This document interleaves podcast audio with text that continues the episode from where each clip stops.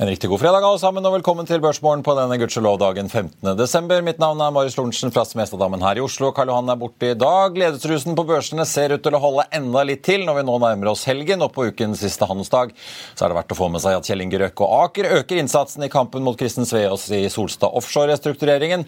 Vi har et børsrally i Kina, og Konkurransetilsynet gir grønt lys til Nordeas oppkjøp av Danske Banks personmarkedskunder.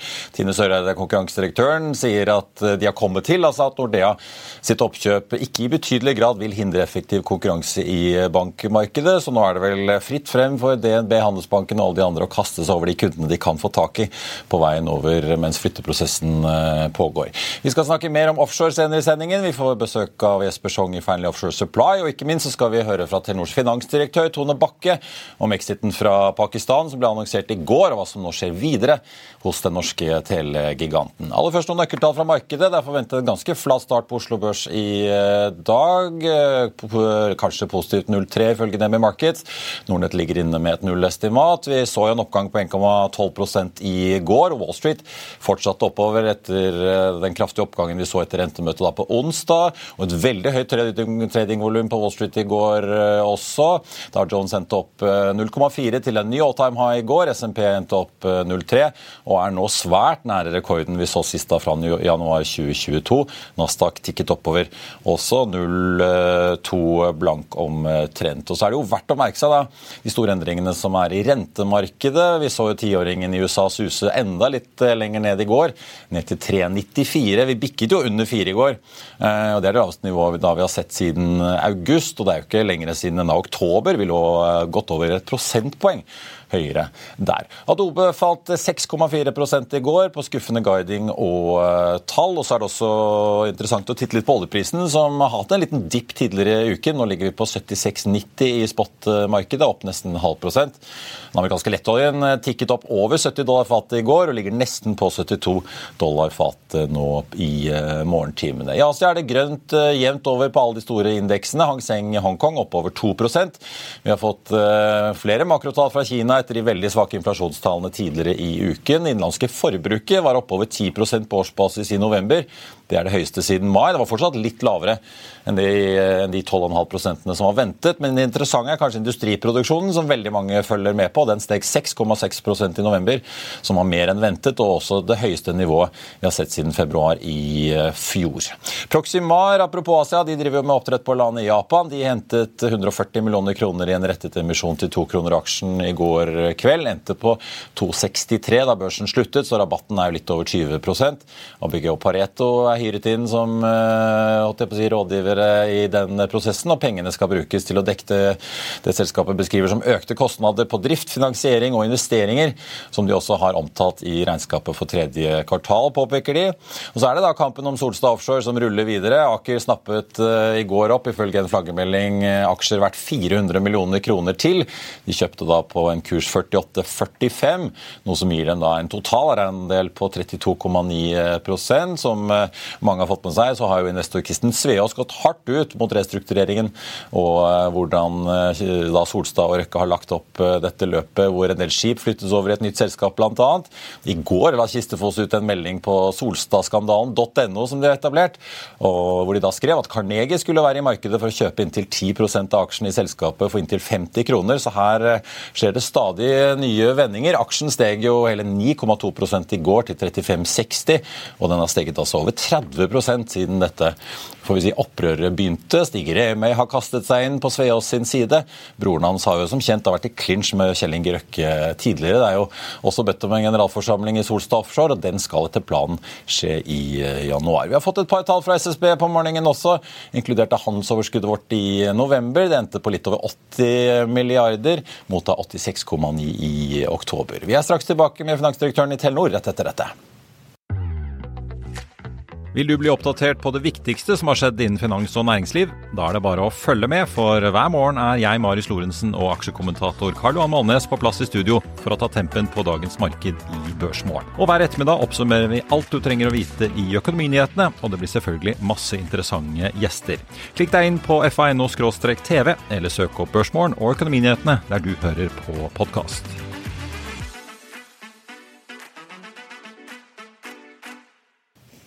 Velkommen tilbake. Jeg tenkte bare å nevne at Hovedindeksen på Oslo Børs starter opp eh, faktisk nesten 0,6% så langt bedre enn det som var ventet i forkant. Det har også kommet en melding fra Kongsberg Gruppen, som jo tidligere denne uken fikk en milliardkontrakt fra Litauen på luftvernsystemet NASAMS og oppgraderingen av tidligere leveranser. Nå er Spania ute og har signert en avtale for NSM-missilet Naval Strike Missile med Kongsberg Gruppen. Og det gir det norske forsvarskonsernet da ordrer for eh, ca. 3,6 milliarder kroner til, kommer det frem da i børsmeldingen som er sluppet akkurat eh, nå. Da skal vi ta inn dagens første gjest og snakke om både Asia og Telekom. For i går kom altså nyheten om at Telenor takker for seg i Pakistan etter 18 år i eh, landet. Men hvorfor selger man seg bare ut til eh, noen milliarder fremfor å satse videre i kompani med en annen, som man har gjort i Thailand og Malaysia? Det er jo noe av det vi må finne ut nå. Velkommen til oss, Tone Bakke, finansdirektør i Telenor. Takk. Ikke en veldig stor kursreaksjon i går, så det virker jo som markedet omtrent forventet kanskje både prislapp og at Eh, dere endte med et salg?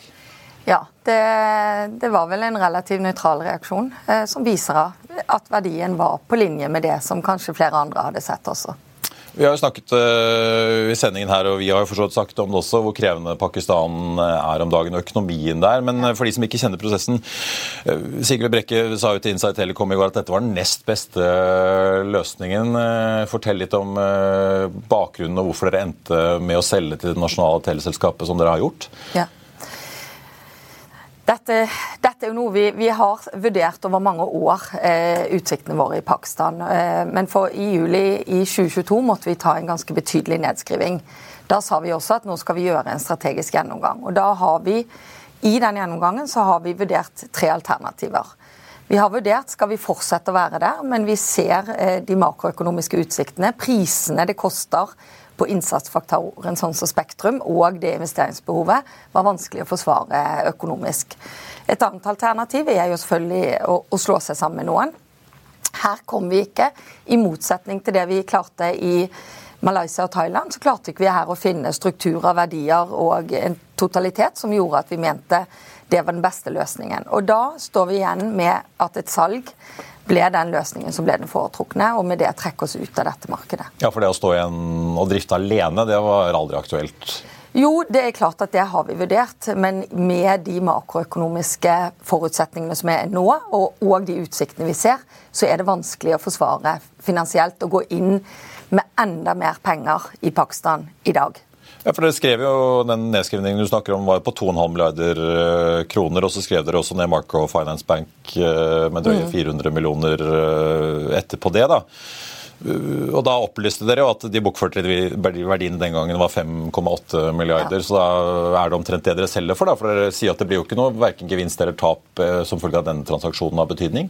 Nei, det er litt mer eh, komplisert regnestykke. Den gangen så var det 5,8 som var bruttoverdiene. Ja. Siden den gang så har vi Dette er jo eiendeler, så eiendelene er skrevet ned. Og valutaen har svekket seg betydelig. Så nå var eh, verdien i bøkene faktisk rundt 3,5 milliarder. Såpass mye lavere, ja. ja. Og det er på grunn av, også pga. valutaen de siste to årene. Sånn at, eh, men du har rett i konklusjonen, at det blir en relativt eh, nøytral verdi på egenkapitalen i selskapet. Ja. Vi har jo sett, i hvert fall For de som følger med på energimarkedet, så har vi jo sett uh, hvor ille det har vært i Pakistan. Særlig da Europa drev og snappet opp uh, masse LNG-laster under energikrisen. Men Fortell litt om det å drive virksomhet generelt i Pakistan om dagen. Da. Dere er jo tross alt et stort konsern som, hvis dere så et slags lys i enden av tunnelen, kunne jo tålt noen år hvor det var krevende. Ja, og, og det er klart at vi har sett på dette løpende over lang tid. Eh, og vi har sett dette, det er lyset i tunnelen. Men det er klart at Pakistan er fremdeles som land fullstendig avhengig av IMF-finansiering. Eh, de, de, har ikke et velfungerende skattesystem som gjør at eh, myndighetene får tilstrekkelige inntekter. Og det er ekstremt krevende både for virksomheter, men ikke minst privatpersoner i Pakistan. Sånn at vi, vi så det at du hvis det hadde vært noen ting som tilsa at vi så at vi kunne drevet videre lønnsomt, så hadde vi gjort det, men den konklusjonen var vanskelig å finne nå. Men uh, Nå sier dere at dette selges til en verdsettelse på 5,3 milliarder på gjeldfri uh, mm. basis. Det skal gjennomføres en gang neste år? Ja. Litt, men det er litt uklart akkurat når? Ja, vi, eh, vi, vi, har sagt at vi tror det skal sluttføres i løpet av 2024. Vi kan jo håpe det går tidligere, men det, vi, vi, sier jo bl.a. i meldingen at det, det, er avhengig av en del regulatoriske godkjennelser. Sant? Dette er jo en lisensbelagt virksomhet. Sånn at telekomminister, eller regulatøren må, må godkjenne. Sentralbanken må godkjenne det. Og så er det jo en sammenslåing av to aktører, som betyr at konkurransemyndighetene i Pakistan må godkjenne det. Så det er de må gjennom de stegene. Og dette, det er jo ikke mye presedens for denne type transaksjoner. Så, men vi tror at innenfor utgangen av neste år så er transaksjonen ferdigstilt. Har dere fått noen signaler? antar Dere har mye gode kontakter rundt i myndighetsapparatet. Sånn. Har dere fått noen signaler på om dette er en realistisk transaksjon nå å gjennomføre sånn uten videre? Ja, vi tror eh, dette selskapet vi selger til, er jo også delt delvis statseid. Ja, holdt jeg på å si, Det er vel Pakistans Telenor omtrent? For det, ja, ja, det har blitt sånn delvis privatisert med ja. stor statlig eierandel? Ja. så det har jo en stor statlig eierandel. sånn at vi, vi hadde jo ikke gått inn på, på, denne løsningen hvis ikke vi trodde det var mulig å gjennomføre. Hva skjer med den kapitalen dere da, gitt at alt går som det skal? da? Eh, dere får ut eh, her, skal den gå ut i utbytte? Skal den investeres i andre virksomheter? Eh, dere vender jo litt blikket hjem mot Norden? Ja, her får vi ut ca. 3,5 milliard, som er tilbakebetaling av interne lån. Sånn at dette er jo for oss det er et betydelig beløp, men det er ikke en transaksjon på linje med de store transaksjonene som innebærer at vi har gjort gjerne tilbakekjøp eller den type ting. Nå har jo vi en, en, en strategi eh, som vi har lagt frem mot 2025. Og eh, vi, eh, vi, har en kapitalstruktur og en leverage target som vi opererer innenfor. Og, og foreløpig så, så bidrar jo denne til å styrke balansen i Telenor. Hvis man ser på Asia litt bredere, så har dere jo signalisert at eh, der kan det komme en børsnotering. Eh, det er jo allerede skilt ut som en egen juridisk enhet. Nå har jo tidligere Nordensjef Petter Børre Fuberg tatt lederrollen der etter at Jørgen Rostrup kom hjem og ble Nordensjef.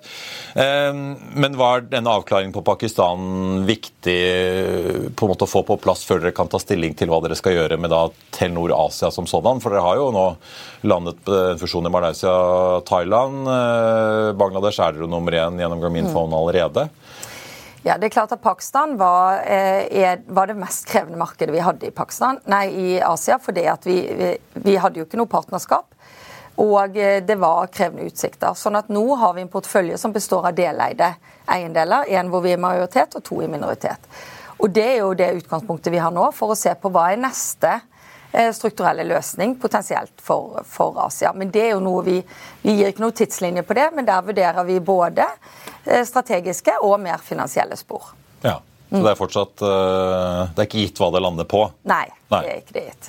Er det andre land i porteføljen deres nå som innebærer noe lignende risiko som det vi har sett i Pakistan, hvor det da har blitt skrevet ned såpass store verdier som det har de siste par årene? da? Nei, vi har, altså vi, eh, vi har, jo en portefølje som vi har, men det som var situasjonen i Pakistan, var jo at det, hele makroøkonomiske bildet var spesielt krevende. Vi ser ikke det samme utfordring makroøkonomisk i de andre landene, men det er klart at det, det er jo en volatil situasjon generelt sett nå. Sånn at eh, vi, eh, Dette er jo ting vi har fokus på absolutt hele tiden. Men, men nå, ved å være ute av Pakistan nå, så sitter vi igjen med tre eiendeler, tre selskaper, som er solide nummer én-posisjoner i de markedene de opererer i. og Det er jo et veldig godt utgangspunkt. Til slutt bare si litt om eh, stemningen i Telenor. da, og De som måtte på si, har lest Baksås sin bok eller har fulgt dette konsernet over tid, har jo på en måte fulgt utviklingen først utover i Russland og Europa på 90-tallet. Så begynte man i Asia med Bangladesh til Pakistan. Kom inn i 2005, litt sånn eh, midt i løpet der etter eh, Bangladesh og Malaysia. Men dere har jo altså 45 millioner kunder der, har vært der i 18 år. Det er jo en bra milliardomsetning likevel i denne virksomheten. Jeg så Sigurd Brekke er vel der borte nå. Ja. Eh, er det litt sånn rart og vemodig? Ja, dette er vemodig. Det er et godt ord. Pakistan har vært en veldig integrert del av Telenor. Eh, vi har utrolig mange gode kollegaer, både i Pakistan, men også pakistanske kollegaer som har kommet gjennom virksomheten i Pakistan og nå jobber på Fornebu eller andre steder. Det er jo en virksomhet hvor vi har fått vist til fulle hvordan vi kan bidra til samfunn. Eh, vi har jo eh, seks måneders svangerskapspermisjon for kvinner i Pakistan. Jeg tror ikke det er mange som har det. Vi har barnehage på kontoret. Vi kjører kvinner til og fra jobb. Og vi har, jeg var der for et par år siden, vi har et treningssenter på kontoret hvor det er tider som er dedikert kvinner kan trene uten menn i nærheten. Sånn at vi har jo virkelig vist hvordan vi kan sette en annen standard i, eh, i, i et, et, land hvor dette ikke er vanlig. Og så har de vist oss hvordan man kan drive Telekom ekstremt effektivt i et makroøkonomisk og samfunnsøkonomisk veldig krevende bilde. Sånn at eh, Vi har forvist gode sider av oss, og de har definitivt tilbakebetalt det ved å lære oss masse om hvordan du kan drive Telkom ultraeffektivt. I et ganske beintøft marked. Ja. ja. Så det, det, det, er jo klart at dette er det mange i Telenor som kjenner på, og det var viktig. Derfor var det også veldig viktig for Sigve og Petter Børre å være der borte og si dette til de selv. Og det er klart at det var en tøff townhall i går når denne konklusjonen De vet jo at dette har vært en vurdering, og de har jo visst at dette kunne være et utfall. Men når beskjeden kommer, så er det selvfølgelig en trist dag. Vi får uh, følge med videre hvordan det går, om transaksjonen faktisk landes uh, som ventet. Uh, mm. Tone Bakke, takk skal du ha. God jul etter hvert når den tid kommer. Vi er straks tilbake med Jesper Schong i Fearnley Offshore Supply rett etter I'll see you in court. Vi sier det ofte litt på spøk, men for deg som driver business, er det aldri moro å innse at du ikke har laget en 100% gyldig kontrakt. Du bør ikke risikere hele firmaet ditt fordi du synes dette med kontrakter er litt stress. En avtale er ikke en avtale. Du kan miste kunder, miste venner, ja, til og med miste inntekter om du ikke lager en skikkelig kontrakt, på alt mulig, egentlig. Men vi vet det er et styr, kopimaskiner, tregprinter og haugevis av papir. Dessuten stoler vi jo på folk her i landet. Det er ofte litt kleint å skulle be om en signatur for alt mulig, ja, for mye av styret handler også om jakten på underskriften. Det finnes en enkel måte å løse dette på, Dukkobit, en trygg, effektiv og get this, gratis måte å sikre seg en god natts søvn pluss en juridisk bindende avtale. Dukkobit-appen har de strengeste sikkerhetskrav i bunn, samt en EU-godkjent og sertifisert teknologi. Framover vil det bli behagelig å spørre du, skal vi skrive under på det, eller? Kom i gang på dukkobit.no. Da tar vi den på nytt nå som vi er tilbake. Edda Wind meldte altså i går om et nytt grønt lån på 1,8 milliarder kroner omtrent, da eller 161 millioner euro, fra en gruppe banker som skal fullfinansiere det som nesten blir de fire siste konstruksjonsstøtteskipene innen da havvind som de bestilte i eh, mars. og Da er det jo godt å ha en relevant gjest da, som Jesper Sjong, offshore-analytiker uh, offshore i Fearnley Offshore Supply. Velkommen til oss. Takk for det. Og velkommen tilbake lenge siden sist. Jo, Takk. Du, skal vi begynne ta det havvind før vi tar ankerhåndterer og subsea og supply og Sirkus Solstad og uh, alt som uh, skjer? Havvindnæringen, altså de som bygger og drifter disse vindmøllene og leverer turbinene, er jo i store problemer om dagen. Hvordan går det egentlig med disse rederiene som Integrated Wind Solutions, Edda Vind og Cadeler, som leverer inn til dem fra, fra offshore-segmentet? Altså, Vi er i utgangspunktet ganske positive til de her. Det er litt sånn, Du må bryte ned hva det er de skal gjøre. og Når du snakker om det helt de store greiene, så er det på ganske lange linjer. Når du knekker det ned til mer å være relevant for arbeids, arbeid som skal utføres av da Edda og IVS og de andre eh, like, så, så, er jo det kommisjoneringsstøtte og det knyttes veldig, i veldig stor grad opp mot uh, den aktiviteten på de parkene som faktisk skal utvikles. Og Når vi ser på behovet fremover, da, så er det klart at alle de parkene som kommer inn nå, det genererer behov for disse. Og um, vi har jo tidligere snakka om at det behovet er skrikende, og denne utviklingen, om du ser det fra antall turbiner eller størrelse på turbiner, og da, da mengden kapasitet som kommer på markedet, så vokser jo den i et forrykende tempo. Og litt sånn Tross eh, en del eh, kjipe overskrifter med restrukturering, nei, med eh, rollbacks og, og kanselleringer og utsettelser, så, så, så, forholder vi oss til det som faktisk skal skje. Og det er klart det aller meste av den aktiviteten den ligger fortsatt på bordet. Mm. Så, så, noen overskrifter får eh, litt ufortjent mye oppmerksomhet. og så Det som genererer fartøysbehov for de som du nevner, det ligger fortsatt til grunn. Ja, i stor grad. ja for det, øh, altså Kenneth Walland, som han heter sjefen i Edavin, sa jo det til oss i FA her i høst på Q3, at uh, han budsjetterer jo ikke engang med noe uh, havvindprosjekter på norsk sokkel ennå i det hele tatt, fordi det ligger så langt uh, frem i tid. Ja. så de tross alt, da, de utsettelsene og kanselleringene som vi har fått, det har ikke påvirket disse rederiene? Nei, altså som Norge sådan. som havvindsnasjon henger jo langt etter. og, og det, Selv når vi er, begynner å nærme oss en slags eh, ikke en målstrek, men et startskudd for det her, så, så, så, ser det jo ut til at vi er klare til å dytte den startstreken lenger foran oss. Eh, men det som er viktig for de aktørene, det er jo resten av Europa, der ja. det da allerede er etablert industri. Ja, for dette, Det er ikke sånn at det er en fare her. Nå ser jeg Edda skriver selv. da, Nå har IVS begynt å ta inn skip også, men Edda skriver at nå har de ett av skip igjen uh, som det 14. i rekken som skal finansieres. Ellers er all finansieringen uh, på plass. De har jo vokst kraftig, alle disse her. Kadeler har vel noen nye skip under bestilling òg, på, på, løftesiden. Mm. Men er det sånn at det er ikke sånn at balansen bikkes over her. For de har jo snakket om at uh, dette markedet bare vokser og vokser, og det er for få mm. skip, og her er det bare å bygge og sette i gang. Ja. Det er ikke sånn at de utsettelsene og forsinkelsene i havvindindustrien generelt i Europa bikker det sånn at balansen i denne supply-delen inn uh, altså leverings, Leveringsvinduet på disse båtene strekker seg jo til 25 år forbi. Så, ja. så selv det, den, bygge, den ordreboken som er utestående nå, det er jo båter som kommer ikke bare neste år, men, men lenger fram i tid. da.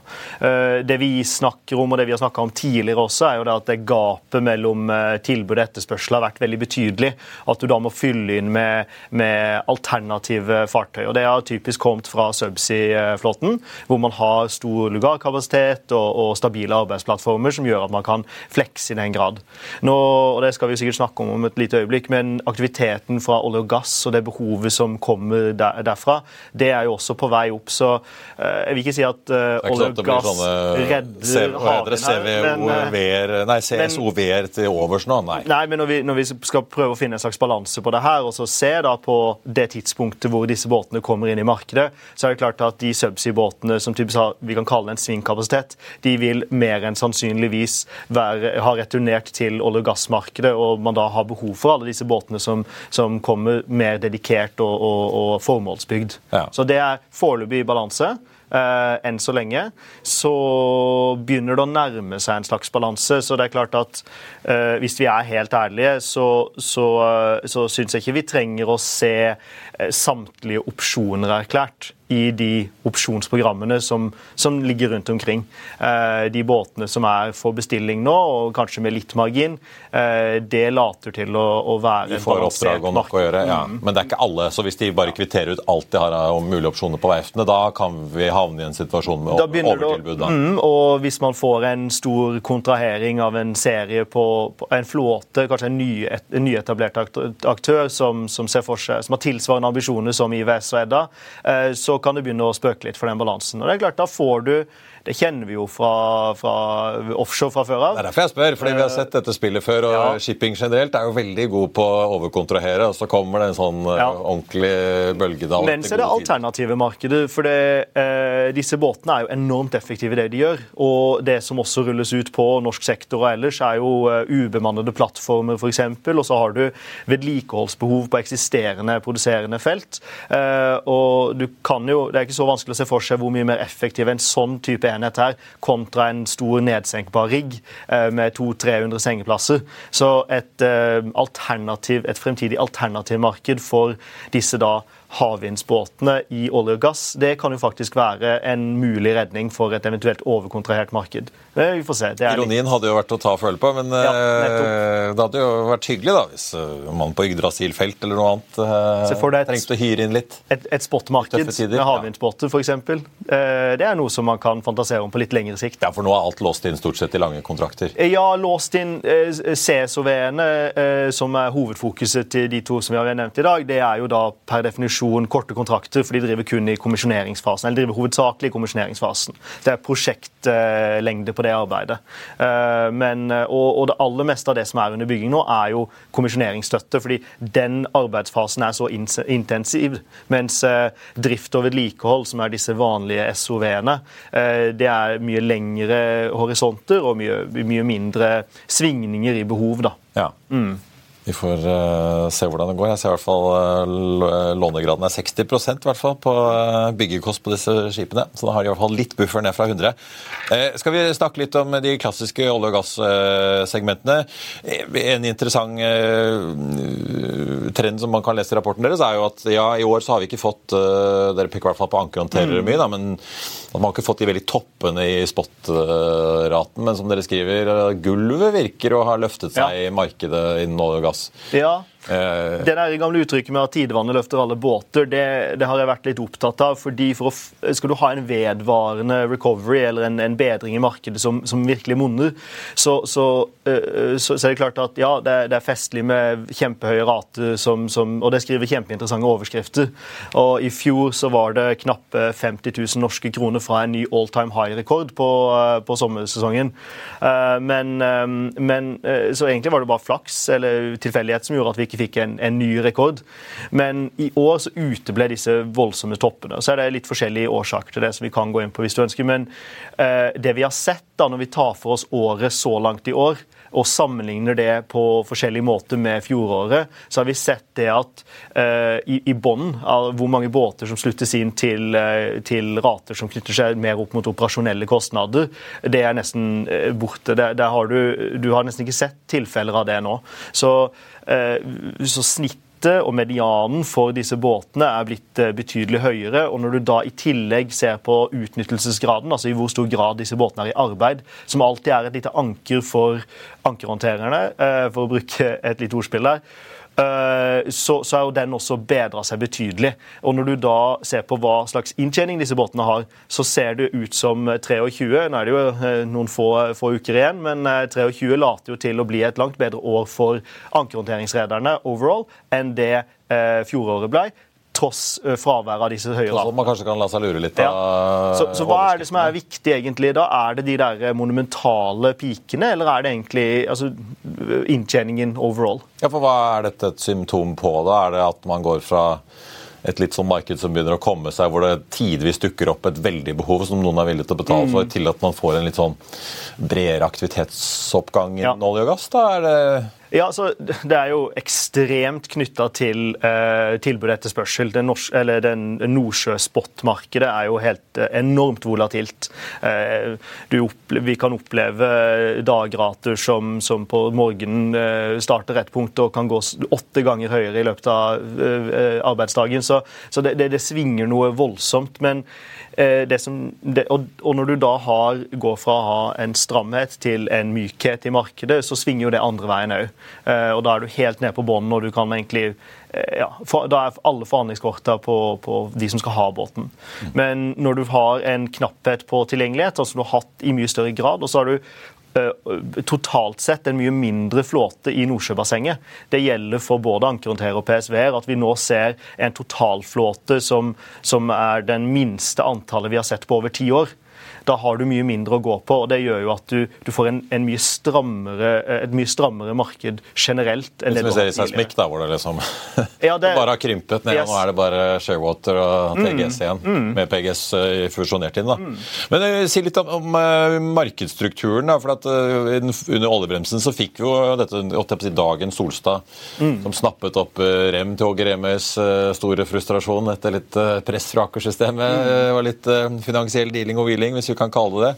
Eh, nå har vi hatt Doff som har gjenoppstått på børs, restrukturert. Nå er det en full krangel i Solstad. Mm. Er det noen sånn endringer i aktørbildet? For Solstad solgte jo ut masse båter til Tidewater på supply-siden. Mm. Ser du noe mer sånne større endringer skje i aktørbildet nå? Ja, det, det, det, det er faktisk flere flåter som er opp for grabs der ute. Og, og, og, det er en, eh, kanskje ikke en konsolidering, men det er jo klart en posisjonering som foregår. Solstad har jo vært veldig tydelig på at de aldri egentlig var noe PSV-rederi, og det, skjønner jeg godt. For ser du på Solstad historisk, altså før denne sammenslåingen med disse andre, så var det subsea-båter og ankerhåndtering som, som, de fokuserte på.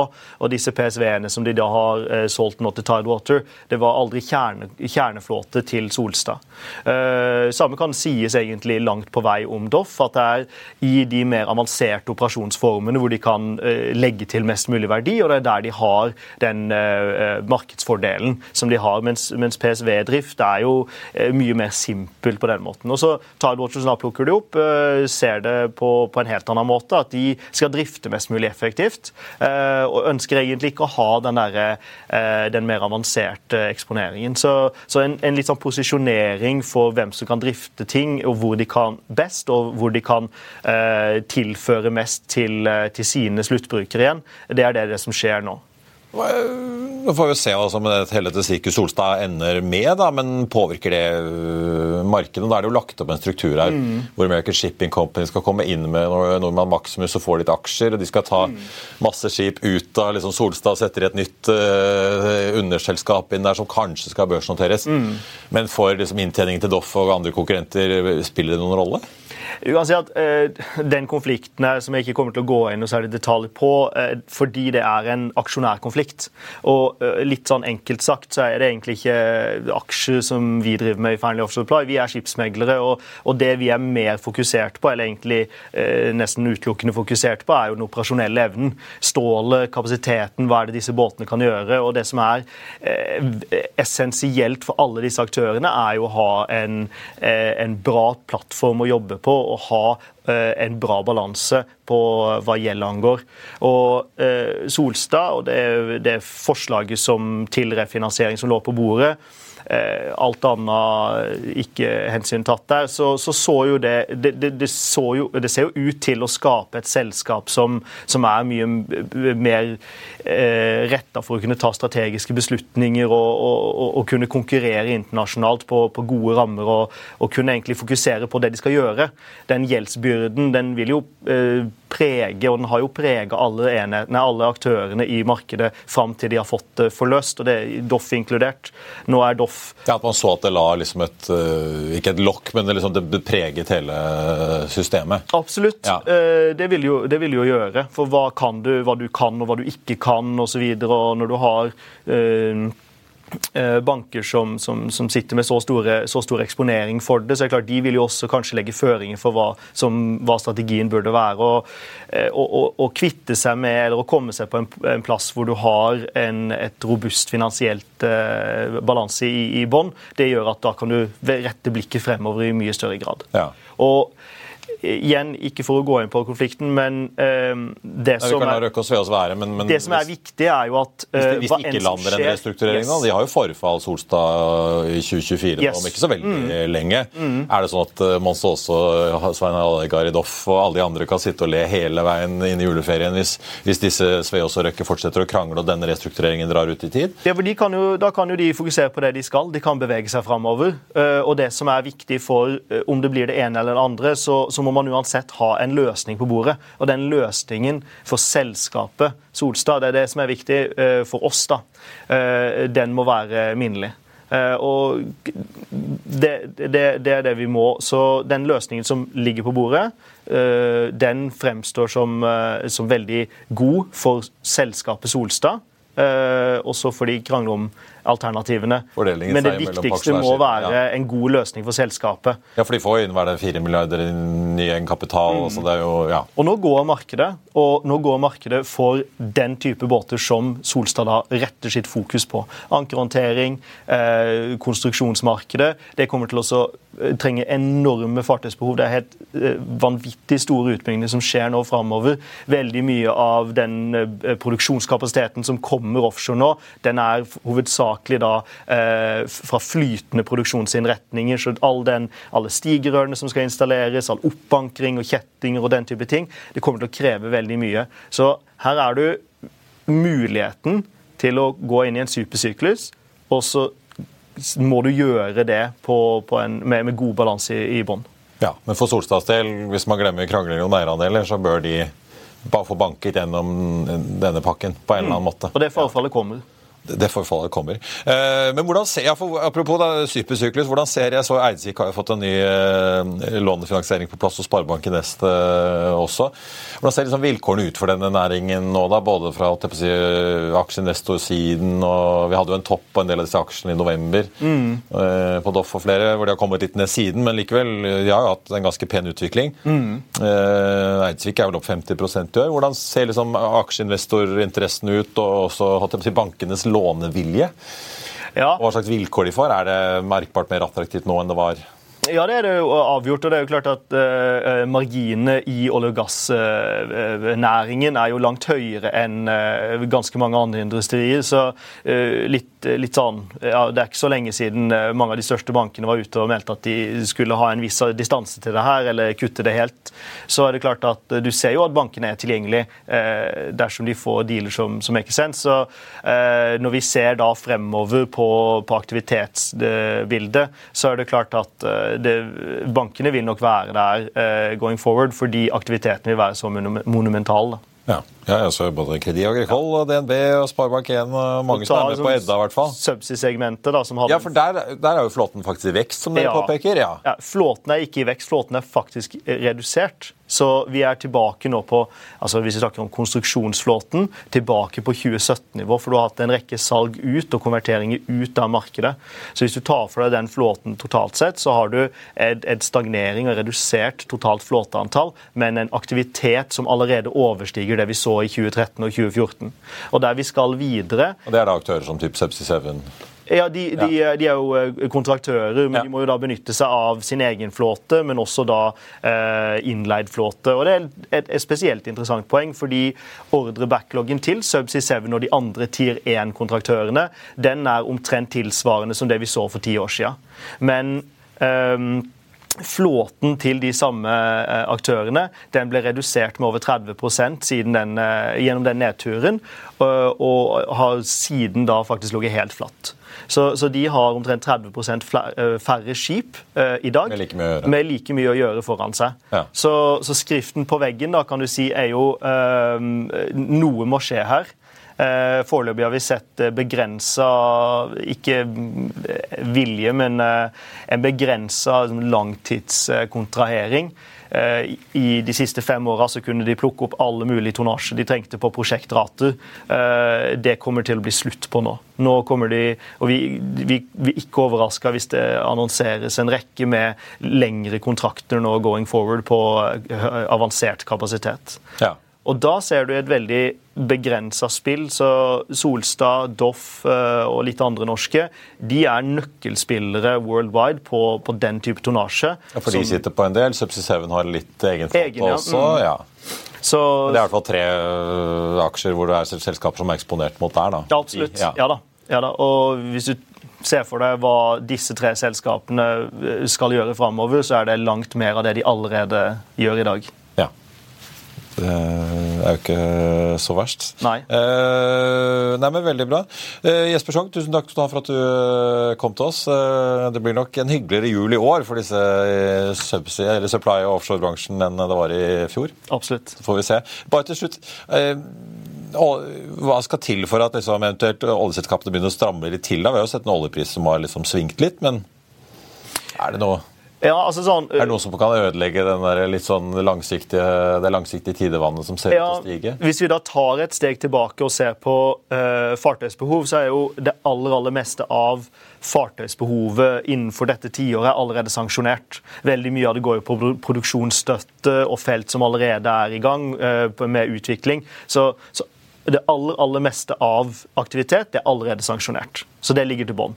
Hvis du da tar for deg de ikke-sanksjonerte, men de, de, feltene som vi forventer sanksjonert, så ser du der at over 80% av de har en break-even på under 60 dollar fatet. De aller fleste gjerne nede på 30 og, 40, nei, 30 og 5, 25, faktisk. Så du så Petrobras f.eks. annonserte sin nye investeringsplan for de neste fire årene.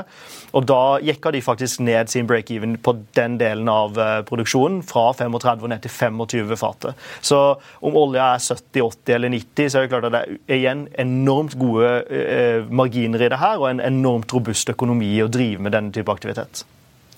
Men uh, få med dere den norske oljedirektører. 25 dollar fatet er uh, det dere må måle dere mot. Jesper Schang, tusen takk skal du ha. God helg når den tid kommer. Jeg tenkte bare på uh, tampen av uh, sendingen å uh, nevne at Solstad da får vi jo ta med da, opp nesten 13 i dag, etter nyheten om at Aker har spyttet inn 400 millioner til i den kampen. Proxima Seafood ned 3-4 etter emisjonen der, men ikke i nærheten av hva rabatten var på emisjonen. Kongsberg stiger nesten 1,8% Der har de jo da sikret seg en NSM-avtale med Spania. og så har vi jo Edda Vind, som vi snakket om, sikret seg en ny låneavtale som sikrer finansieringen av fire av disse CSOV-ene til, ned 0,2 på en børs som er opp en halv prosent i dag fra start, med en oljepris som er opp nesten det samme.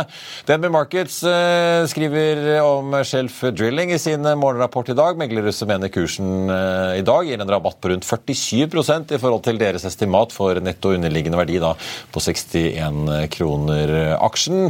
Meglerhuset skriver sitat vi mener denne rabatten er for høy og har en kjøpsanbefaling med et kursmål da på 45. Så er det DNO-aksjen da. Irak vurderer å endre sitt føderale budsjett, som gjør det mulig for Bagdad da å betale ut internasjonale oljeselskaper i Kurdistan, noe som til slutt vil føre til gjenopptakelse av eksporten fra regionen ut gjennom rørledningen til Tyrkia så er jo uh, en aksje i dag da det er noe som er opp en 1,95 omtrent. Uh, Ellers noen ferske aksjeanalytikere på tampen. Arctic har regnet litt på Kitron etter kapitalmarkedsdagen. Nedjusterer kursmål der fra 40 til 37 kroner. Gjentar kjøpsanbefalingen på en aksje som også endte i går på litt over 31 kroner aksjen. Den fikk seg jo en ordentlig smell på de uttalelsene som kom fra Nilsson, toppsjefen der, om første halvår 2024. City har regnet på Hydro. Hydro hadde en veldig god dag i går, sammen med bl.a. Elkem, som alle steg på signalene fra Fed. City gjenopptar eh, nå dekningen med en halv anbefaling og et kursmål på 71 på Hydro. En aksje som i dag ligger på 67,12, opp et par prosent til i dag. Skipsted, Kepler Sjøvrø oppjusterer kursmålet der fra 265 til 312 og gjentar sin holdanbefaling på konsernet, som altså er i ferd med å få en rundt 32 milliarder kroner etter salget både av Adevinta-aksjer og også mediedivisjonen. Det var børsmålen for denne fredag 15.12. Husk økonominyhetene 13.30. Da skal vi få med oss Sparebank1 Markets analytiker Theodor Sveen Nilsen og diskutere dealen som gjorde at Norges største ikke-utbygde gassfunn nå har byttet eier, blant andre ting.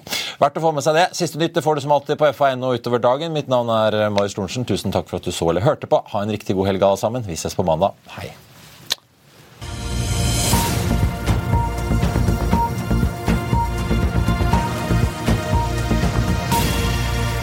Økonominyhetene er en podkast fra Finansavisen. Programledere er Marius Lorentzen, Stein Ove Haugen og Benedikte Storm Bamvik. Produsenter er Lars Brenden Skram og Bashar Johar. Og ansvarlig redaktør er Trygve Hegnar.